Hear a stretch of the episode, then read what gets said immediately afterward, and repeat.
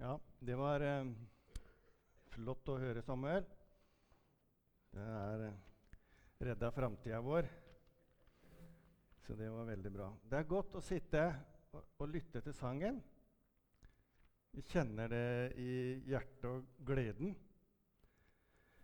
I denne tida nå, som er veldig strevsom og stressende for de fleste. Det er eh, handling og gaver og rengjøring og sånn som vi gjør hvert år. Og det blir en tradisjon. Men jeg tenkte litt på det at vi, vi kan ikke bare ha tradisjon. Vi må også vite hvorfor vi feirer jul. Det står her men engelen sa til dem, Frykt ikke, jeg kommer til dere med et bud om en stor glede. En glede for hele folket. I dag er det født dere en frelser i Davids by. Han er Kristus, Herren. Det er eh, fantastisk å lese egentlig de versene. La de synke inn om at eh, det er en stor glede. Det er en gledestid vi går nå i møte. For de ikke kjenner det kanskje akkurat nå, med alt stress og mas og kjas og rundt med alle praktiske ting, men det er faktisk en stor glede. Det er en fantastisk glede. Og det er for hele folket. Dvs. Si at det er også for deg og for meg denne gleden at han sendte Jesus til oss. Det ble det også skrevet om lenge, lenge før Jesus ble født. Jesaja skrev For et barn er oss født, en sønn er oss gitt. Herreveldet er lagt på hans skuldre, og hans navn skal være underfull rådgiver, veldig Gud, evig far og fredsfyrste. Så det er ikke hvem som helst som har blitt sendt. Men det er en som ønsker å komme inn i våre hjerter. Vi leste at det kom et bud om at en stor glede og en glede for hele folket.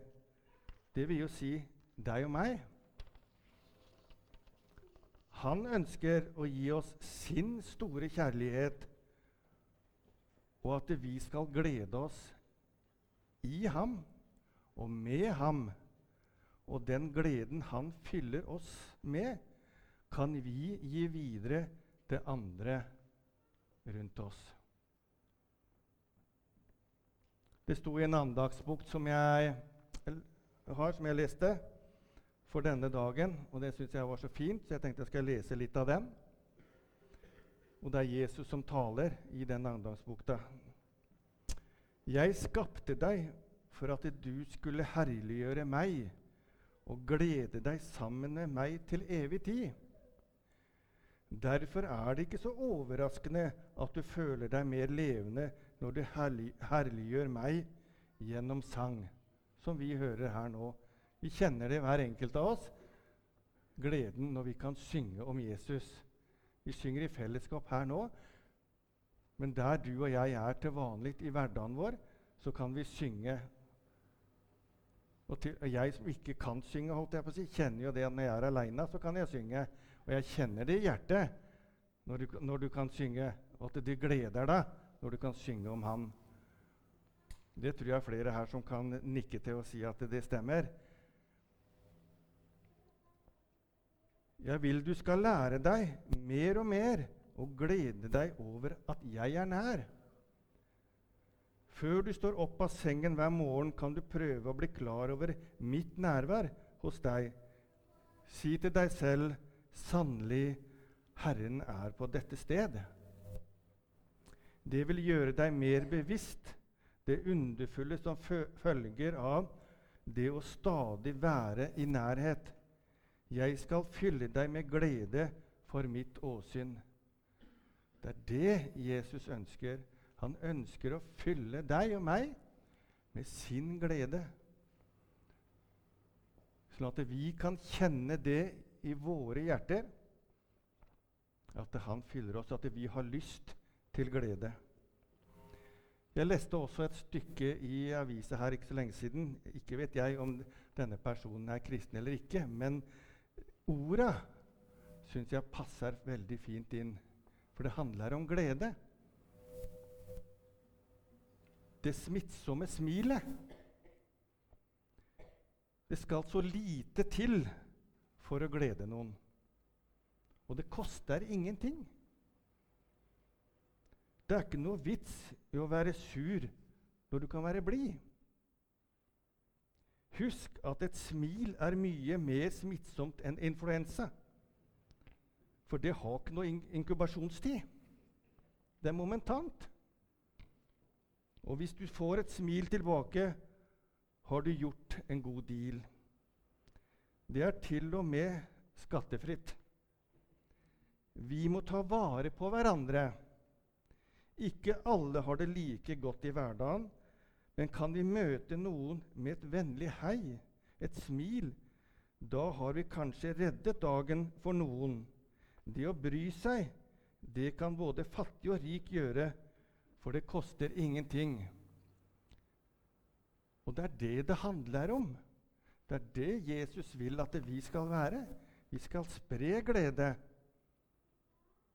Folk skal kjenne hvis vi har Jesus i hjertet, at hva er det for noe?